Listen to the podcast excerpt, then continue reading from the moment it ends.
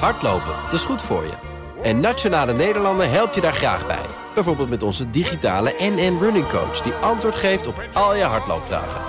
Dus, kom ook in beweging. Onze support heb je. Kijk op nn.nl slash hardlopen.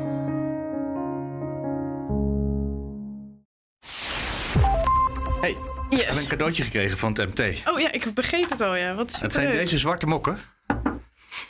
Ja, dan denk je, is dat wat? Maar moet je kijken, ik heb eh, heet water meegenomen. Oh, wacht. Hier moet ik dit... Nee, maar wacht, wacht, wacht. Die, dit is natuurlijk precies het Insta-materiaal wat... waar mensen op wacht heel zijn leven. dit zijn de special effects die nodig zijn. Kijk, dan gaan we even de story openen. We hebben van onze collega's een hele mooie zwarte beker gekregen, maar... Wacht, wacht, wacht, wacht, wacht. Er gaat nu heet water in. Twee bekertjes met kokend water. Ja. Cool hè, daar komt gewoon het logo van de nieuwsdag. Wat is dit? It's magic. Wat goed dit. Heel cool. En er zijn er maar drie van in de hele wereld. Niet. Eentje voor jou, eentje voor mij en eentje voor Wendy, die ons heel altijd begeleidt op de Oh, achtergrond. zo leuk. Dit is de nieuwsdag van woensdag 9 februari met Talita Mussen en Mark Yes. Beekhuis.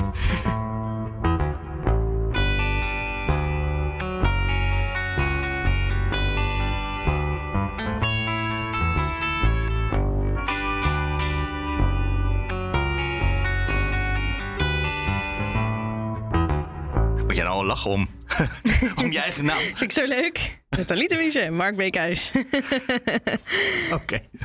Nieuwsberichten van vandaag die opvielen. ja, Eh, ik vond dit een betere nieuwsdag dan eh gisteren. ja? Om daar maar eens even mee te beginnen. Ja, spannend. Was er goed nieuws of was het Dus ingewikkeld nieuws? eigenlijk erge mentaliteit van, van journalisten. Dat je dan geniet van drukke nieuwsdagen. Daar voel ik me altijd schuldig over. Dan er moet even wat gebeuren. Oh ja, wij leven van oorlogen. Ja. Nou, vandaag was er wel een soort stevige strijd in de Tweede Ja, Kamer. er was een stevige strijd in de Tweede Kamer over de abortuspil.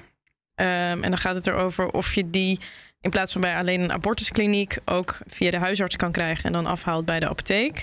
Eh, en dat haalt weer een hindernis weg voor eh, vrouwen om binnen negen weken een abortus te kunnen doen. En daar is een Kamerdebat vandaag over geweest. Er gaat over Ja. twee weken eh, gestemd worden. Ja. Nee, over twee weken gaat het debat nog verder. Dan gaat het debat zelfs nog verder en Ja. dan gaat er over gestemd worden. Dit is trouwens ook al een discussie die al jaren speelt. Want ik zit hier te kijken naar een artikel uit 2017... waarin de Raad van State nog zegt dat het overbodig is. Dat dit toestaan via de huisarts niet nodig is... als het aan de Raad van State ligt. ja, het is ook Ehm, geen wetsvoorstel wat van de regering afkomt. Het waren Kamerleden Ja. die een wet hebben geschreven en hebben gezegd... we gaan dit gewoon voorleggen aan eh, de Ja, Kamer. en dat opvallend is, is dat er wel ook kritische geluiden eh, waren. Of nee, is dat opvallend? Dat lijkt me alleen maar heel erg gezond. Dat Ja, er er is volgens mij nog kritisch, geen eh, meerderheid op het Nee, er is op dit moment nog geen meerderheid. Meerdere partijen zijn er kritisch op geweest. Onder andere ook met het argument: is het nou per se. Wordt het nu kwalitatiever? Ook bijvoorbeeld de nazorg die je ook wil kunnen leveren. Ehm, dus het neemt wel een hindernis weg, maar is het weegt dat op tegen. Nou ja, ook het feit dat het is natuurlijk wel nog steeds een medische behandeling. Waar je Ja. met iemand die kwetsbaar is, eh, eh, medisch gezien. Dus levert dit ook kwalitatief betere zorg op als het via de huisarts gaat? Want die hebben vaak geen echo-apparatuur, las ik. En ehm, hebben het al heel erg druk en zijn nog niet per se ehm, ja, eh, onderlegd om dit in hun pakket, zeg maar, op die manier te, te hebben. Maar ze moeten bijscholing daarvoor doen, voor ze het mogen doen. Dus dat, nou ja, Maar dat vond ik zelf, als ik er mijn mening erover geef, vond dat wel goed aan, aan eh, ja, 21 en Nicky Verwij Pauw. Die zei van... ehm, uh, Pauw voorbij dan. van het debat wordt vaak ideologisch gevoerd. Dus dat is natuurlijk één eh, eh, invalshoek op dit debat. Dus de vrouw en haar niet onnodig belasten. Het is al kwetsbaar genoeg om naar een kliniek te gaan. Dus die argumenten heb je heel sterk. En zij trok het ook heel erg. Maar levert het ook medisch kwalitatief betere zorg op? En daar Ja. zat dan wat hun betreft nog wat kanttekeningen. Dus nou, interessant vond ik dat dat, dat zo gescheiden werd in het debat. Ik vind dit wel Het is nog een niet heel opgelost. moeilijk onderwerp. Het is, het is, ik vind het altijd wel een... eh, het is een beladen onderwerp. En als vrouw heb je er zelf natuurlijk ook altijd nog een eigen persoonlijk gevoel en mening eh, Wat zou je bij. denken, dat mannen daar niks van vinden? Niet in elke situatie, maar eh, heus wel hoor. Ja, dat mag ook. En die mogen er ook zeker Je zou zomaar wel of geen vader kunnen worden. Precies. Hey, Ehm, iets wat wel ja. opgelost lijkt te zijn. Ja. De horeca gaan waarschijnlijk langer open. En het thuiswerken wordt waarschijnlijk geschrapt. En ik zeg waarschijnlijk erbij, want het is namelijk officieel niet medegedeeld. ja, Het is weer gelekt. het is weer gelekt. Het is een voorspelling. Ja, die ging eigenlijk, als je heel strikt leest, ging die over de verlenging van de coronawet. Dus dat duurt nog ja, dat eventjes. is waar. Maar ik denk toch dat Maar dit wel, wel voortekenen voor zijn tweede, dat je voor punt de gaat kerstpersconferentie. Dus het was zo, qua timing eh, Ja. klopt die wel. eh. Nee, dus de anderhalve aardig. meter in de horeca eh, mogelijk eruit. Eh, gasten hoeven niet meer per se een zitplaats te hebben. Er wordt officieel dus nog over gesproken. Maar ja, het is al uitgelekt. Dus hele goede kans dat dit de regels worden die we over een tijdje hebben. Nou, we zitten sowieso in een compleet andere fase van het coronabeleid, lijkt het. Want er is ook natuurlijk nog die Kamerbrief uitgegaan van Ernst Kuipers. Waarin je minister van met, Volksgezondheid. ja, met een doorkijkje, dus korte termijn en met een doorkijkje naar de langere termijn. Een Wat- heel dun doorkijkje. Heel dun het doorkijkje. waren er stonden echt heel veel dingen in die we al wisten. Ja. Die netjes in kaart waren gebracht. Een paar dingen die nog niet duidelijk zijn. Die eh, ook netjes in kaart zijn gebracht met de mededeling steeds daarbij. We komen bij u terug. Ja. Ik vond, eigenlijk vond ik het niet zo'n hele informatieve brief. Nee, maar door tussen de regels door, klinkt lekker, eh, zie je wel dat het een heel, een, een- wel een paradigmaverschuiving is, zoals Ah. Ernst Kuipers dat ook echt noemt. Nou ja, dus dat is die brede afweging. Het zijn ook, worden ook, er komen twee nieuwe doelen in plaats van de vier oude doelen.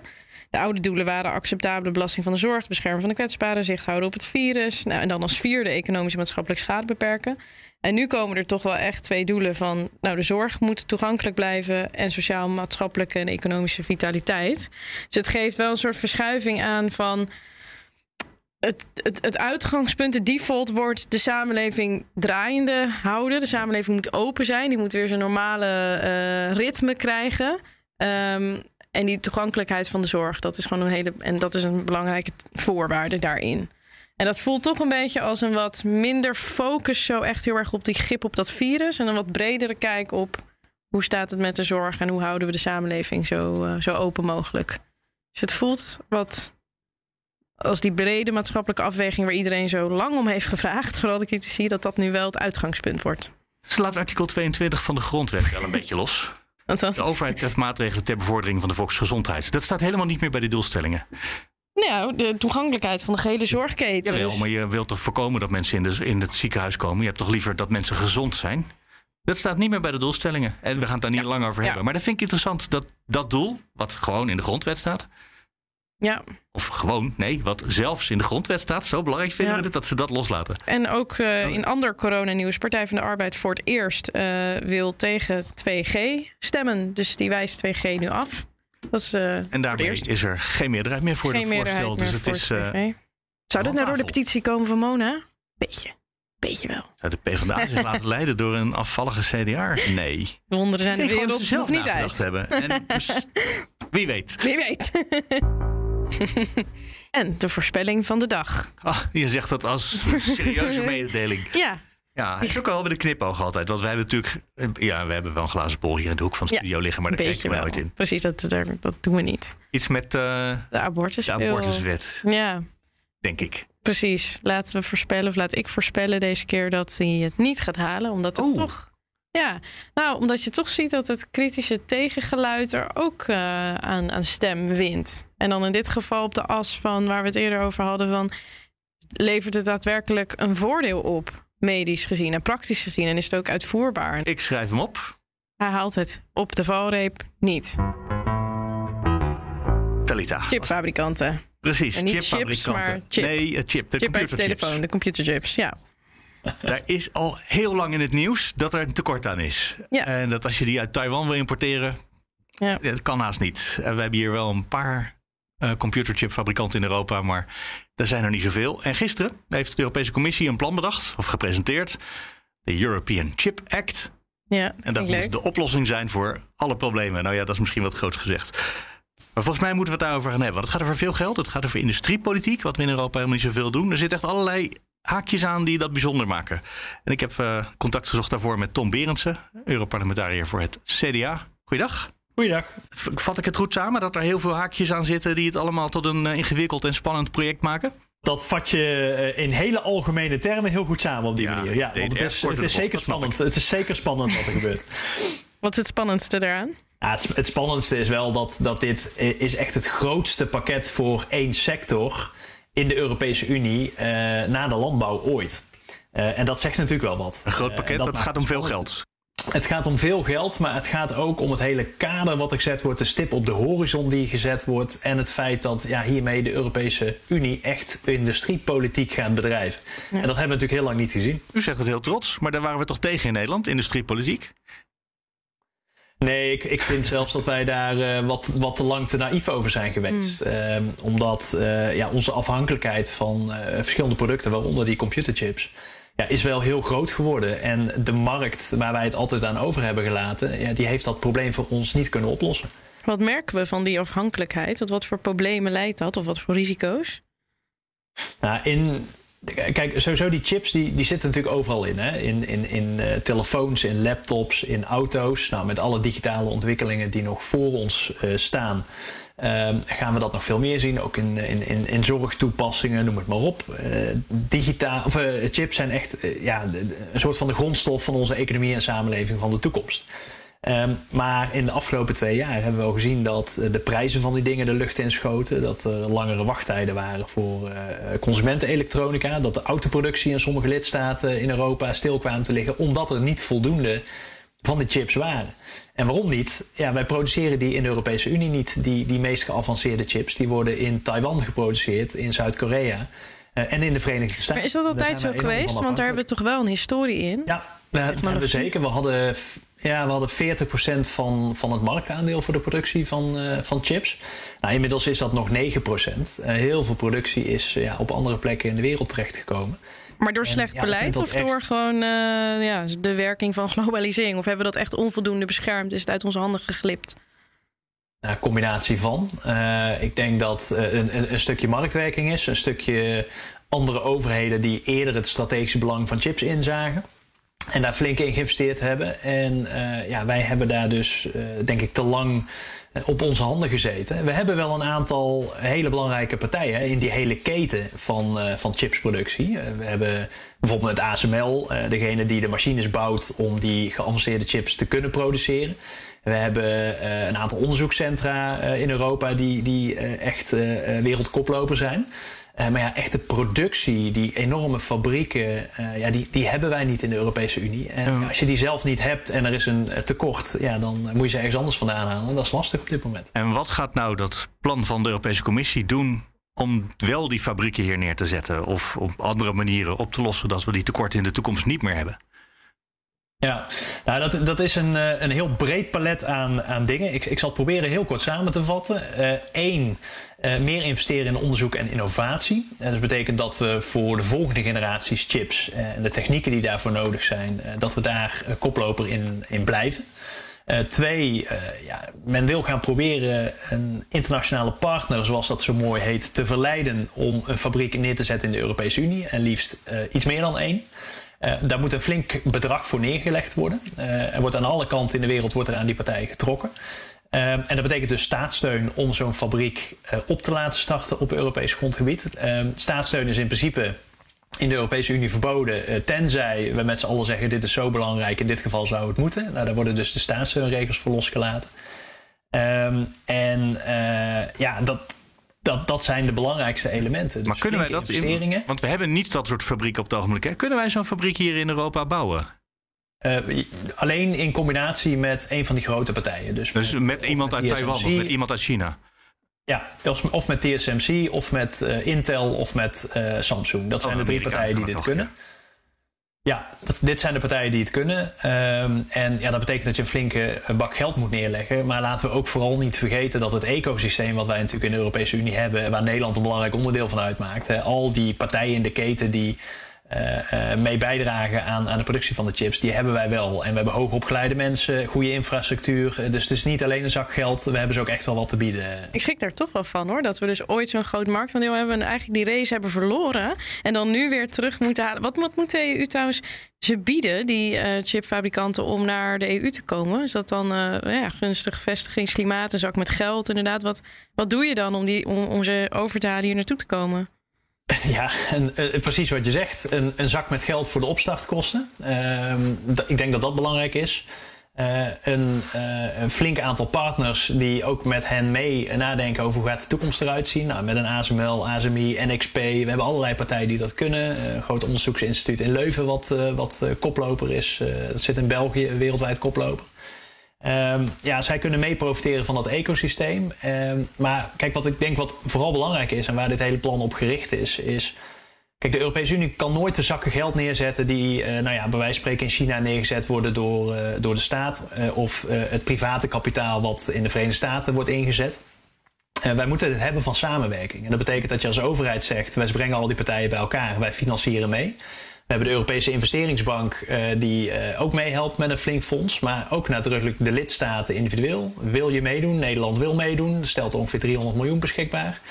Um, en de private partijen, het bedrijfsleven zelf, jongens, uh, doe mee. En laten we met z'n allen investeren in dit ecosysteem. Want ja. dat is ontzettend belangrijk voor de toekomst. Maar we concurreren dan toch gewoon tegen de Chinese staatssteun. Dat gaan we toch gewoon verliezen dan? Dan gaan we voor heel veel miljarden, misschien een paar tientallen nieuwe fabrieken hier bouwen.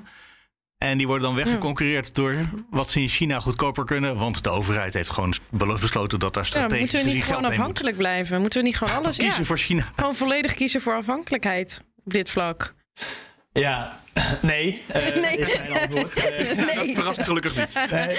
Ja, ik, ik, ik moest. Nee, maar, maar dat. dat niet? Uh, kijk, dat, volgens mij, nee, dat, dat moet je absoluut niet willen. Zeker niet op het gebied van chips. Dat is zo van strategisch belang. Het is echt geopolitiek. Het, is niet een, het gaat niet om de gadget. Het gaat om dat het ons, een, een belangrijk bestanddeel is van onze hele economie van de toekomst. Ja, dan mag je niet afhankelijk zijn van anderen. Dus Ten eerste moet je proberen meer zelf te produceren. En ten tweede moet je ervoor zorgen dat daar waar we. We kunnen niet alles zelf, we zullen altijd een beetje afhankelijk blijven van anderen. Maar zorg er dan in ieder geval voor dat die anderen ook afhankelijk zijn van ons. Maar zie je, je dan al, andere delen... al voorbeelden dat dat nu die afhankelijkheid onze geopolitieke positie dan verzwakt? Uh, ja, dat hebben we de afgelopen uh, ja, anderhalf jaar, twee jaar hebben gezien dat wij echt in Europa een chiptekort hadden. En dan wordt consumentenelektronica wordt veel duurder, uh, wachttijden worden langer. Um, fabrieken komen stil te liggen. Uh, ja, dit kwam door een pandemie. Uh, maar wat gebeurt het als het, nou ja, laten we zeggen, strategisch ingezet wordt? zoals we nu bijvoorbeeld ook zien met de gasleveringen vanuit Rusland, waar we flink afhankelijk van zijn. dit is, dit is zo'n belangrijk onderdeel van onze economie en samenleving van de toekomst. Dat je, ja, daar moet je gewoon actie op ondernemen. Is het genoeg, deze plannen? Of schiet het tekort uiteindelijk misschien zelfs nog? Nee, de plannen zijn ontzettend ambitieus, dus echt genoeg. Dat zou een hele flinke stip op de horizon. Uh, alleen om vervolgens ook al het geld wat we nodig hebben en alle partijen te mobiliseren, dat wordt wel nog een hele kluif. Dus we hebben een grote opdracht. Tom Berendsen, hartelijk dank. Bedankt. Dank u wel. Ja, Mark, we gaan het hebben over de tegenbegroting. Die is doorgerekend door het CPB. Ingediend door? Partij van de Arbeid en GroenLinks. Want die zeggen dat het groener, socialer en uh, wat is het, slimmer zelfs kan. Nou, dat zijn... En duurder voor bedrijven. En duurder voor bedrijven, inderdaad. Het vermoeden heb ik uh, zomaar. Ik ben uh, heel erg benieuwd wat dat precies betekent, überhaupt, een tegenbegroting. En wat voor politieke gevolgen dat kan hebben. Wat, wat het statement is wat hiermee wordt gemaakt. Dus we hebben aan de lijn onze politieke verslaggever van BNR zelf, Sophie van Leeuwen. Hey, Dalita. Hi. En Mark. Uh, ja, ik suggereerde meteen al, het wordt vast duur voor bedrijven. Daar zit volgens mij een spannend bedrag. 14 miljard euro aan belastingen zouden ze moeten gaan op, uh, opleveren. En dat is veel meer dan in het uh, plan van de regering. Hè? het is niet alleen voor bedrijven, maar ook voor vermogende mensen. Daar gaat het nu al weken over hè, in Den Haag. Dat de mensen in box 3 die betalen niks. Dus de rijken moeten meebetalen. Want de middenklasse steunt onder de inflatie en de hoge prijzen aan de pomp. Dus 14 miljard is het totale bedrag voor die, eh, de vermogens voor de winst. En uh, ja, daar zit, dat is dan weer onderverdeeld in de VPB. Weet je wel, de vennootschapsbelasting moet omhoog. De tweede schijf naar 30 procent. Kost iets van 2,5 miljard gaat het opleveren aan de schatkist. En ja, de vermogende, dus 100 50.000 euro, als je meer dan dat verdient, dan moet je dan straks 60% inkomstenbelasting betalen. Vind in het plan van de oppositie, hè? Want die zijn natuurlijk niet in de regering. Dus moeten we het serieus nemen? Dat vroeg eigenlijk Talita Holder net. Ja, maakt dit uit? Nou, zo serieus moet je het niet nemen. En ik heb ook nog de verkiezingsprogramma's er even op nageslagen. En dan zie je ook heel veel dingen die komen rechtstreeks uit het verkiezingsprogramma van de PvdA GroenLinks. Wat niet was doorgerekend, GroenLinks, hun verkiezingsprogramma, toch? Dus GroenLinks was niet door. Nee. Weet je dat lied dat ik dat even niet meer weet in uh, mijn korte Ik ga geheugen? ondertussen of dat was doorgerekend. Oké. Dat- Wordt ondertussen wordt dit live gefactcheckt. Ja. Oh, Dus oh. moet ik zelf weer correcties doen. Maar, Maar- ja, wat, er wat er bijvoorbeeld ook in staat, en dan, het gaat ook al de laatste tijd over die progressieve vermogenstax. Iedereen die miljonair is, moet me- hè, 1% betalen of 2%. En dat komt ook rechtstreeks uit het verkiezingsprogramma. En wat ik wel bijzonder vond, als je dan toch gaat scrollen in die, eh, die documenten, dan zie je dat ook bij D66 staan. Dus daar zit ook nog een interessante overlap. Dat eigenlijk coalitiepartijen, sommige coalitiepartijen, dit ook wel zien zitten. Maar het is niet gelukt om het intrigeerakkoord te krijgen. Oh, dus als straks D66 dwars gaat liggen, als dit plan in de Kamer wordt eh, geopperd, dan gaan ze tegen hun eigen verkiezingsprogramma in. En nou ja, we zitten in een coalitie. Dit is weer zo'n eh, meloen die dan doorgeslikt moet worden.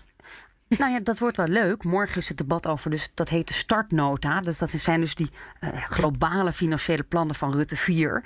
En dan gaan we wel zien hoe dualistisch D66 is. Want eigenlijk zouden ze dan in de Kamer moeten gaan roepen... fantastisch, wij zijn het hiermee eens. Maar dat kan Wij niet, want ze hebben een handtekening onder een ander document gezet. Hey, maar nog Ja, heel maar eventjes, zitten- want je zei net, het is, we moeten het niet al te serieus nemen, maar we hebben het er wel over natuurlijk. En ik denk dat we het misschien wel serieus moeten nemen, omdat in de Eerste Kamer de regeringscoalitie geen meerderheid heeft. Dus dat daar misschien GroenLinks en Partij van de Arbeid nog wel eens een keer, eh, dat ze daarmee moeten gaan praten.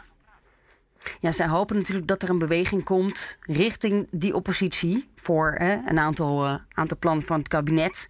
Omdat ze, dat ze wat deeltjes kunnen sluiten de komende jaren.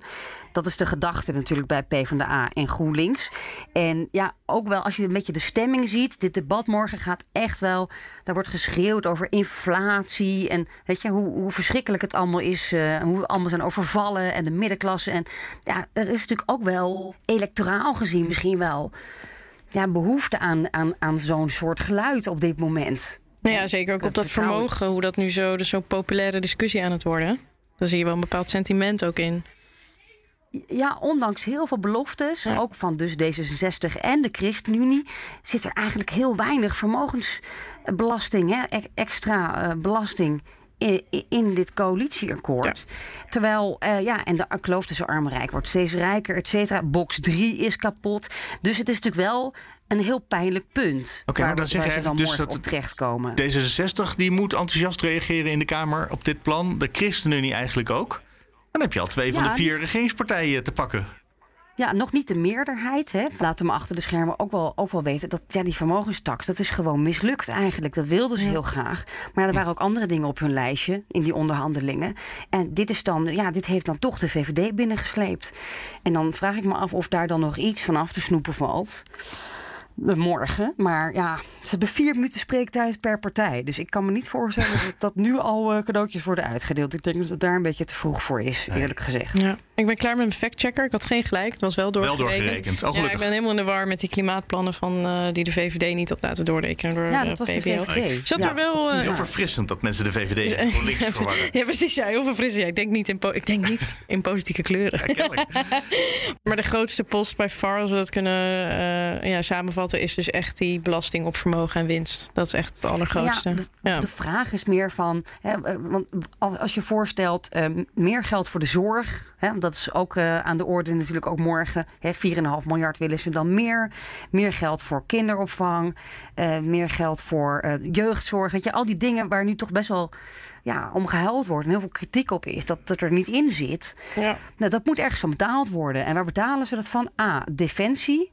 Niet 3 miljard erbij, maar 1 miljard. En dus de rijken en de bedrijven, die krijgen de rekening. Dus dat is in die zin een hele simpele rekensom die aan de linkerflank wordt gemaakt. Maar ja, maar de VVD van Rutte zich natuurlijk al vier kabinetten inmiddels tegen verzet. En we gaan straks morgen bij dat debat eh, regeringscoalities zien die dingen moeten gaan zeggen die ze eigenlijk niet vinden.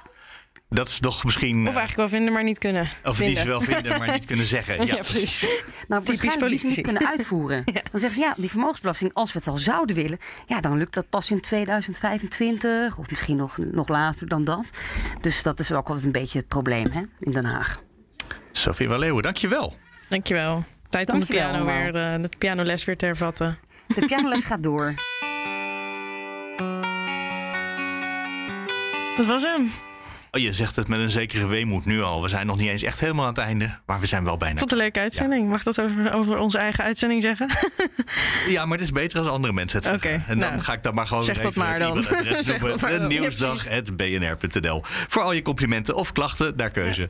Precies. Eh, en als je onze beker wil zien, die eh, door de hitte, eh, de Nieuwsdagbeker, de Nieuw- die Nieuwsdag net van zwart naar een prachtig logo van de Nieuwsdag ging. Precies, dan kan je dat zien op het Instagram-account van Talita Muse en ook van BNR. Want ik ga ervan uit dat ze hem inmiddels wel hebben overgenomen. Mag toch ik hopen? Ja. Dat mag ik toch wel hopen als eh, echte influencer. Misschien kunnen we hem zelfs op eh, Twitter eh, kwijt bij Precies, op het, Twitter, de Nieuwsdag. Het de Nieuwsdag. En ehm, ja, je kan onze podcast gaan volgen en liken en delen met al je vrienden en familie via je favoriete podcast app. Dus doe dat vooral. Een van onze collega's die zegt dan altijd: geef ons lekker sterretjes. Ja, geef ons sterretjes. Nou. Hou ons omhoog in de charts. Oké, we hadden net een gesprek met Sophie. Ja. Toen we daarmee begonnen, dat staat helaas niet in de opname, maar toen hoorden we op de achtergrond hoorden we haar kinderen op een piano spelen. Ja, Amélie Poulain. En aan het eind hebben ze nog even voor ons gespeeld. Dus het werd niet het stukje wat we in het begin hoorden van de, van de film. nee, precies. Het werd een... eh, oh, wat zei ze nou? Het werd, de, Ouverture. het werd een ouverture. Dat is En- mooi dat we afsluiten vandaag, want we gaan een klein stukje gewoon laten horen. En misschien we kunnen onze sluiten luister- af met een ouverture. Ja, en misschien kunnen onze luisteraars laten weten of dit onze nieuwe jingle moet worden voor de podcast. Ja, je mag reageren. Je hebt geen invloed, maar je mag reageren. Het wordt toch niet Amélie Poulain, het wordt een ander liedje.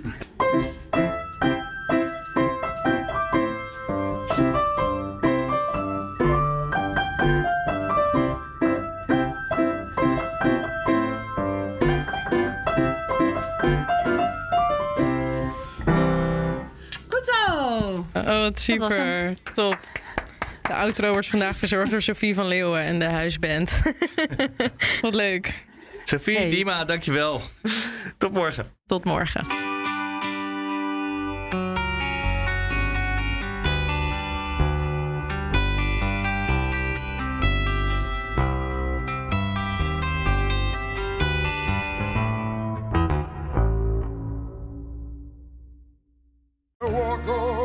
Hardlopen, dat is goed voor je. En Nationale Nederlanden helpt je daar graag bij. Bijvoorbeeld met onze digitale NN Running Coach... die antwoord geeft op al je hardloopvragen. Dus, kom ook in beweging. Onze support heb je. Kijk op nn.nl slash hardlopen.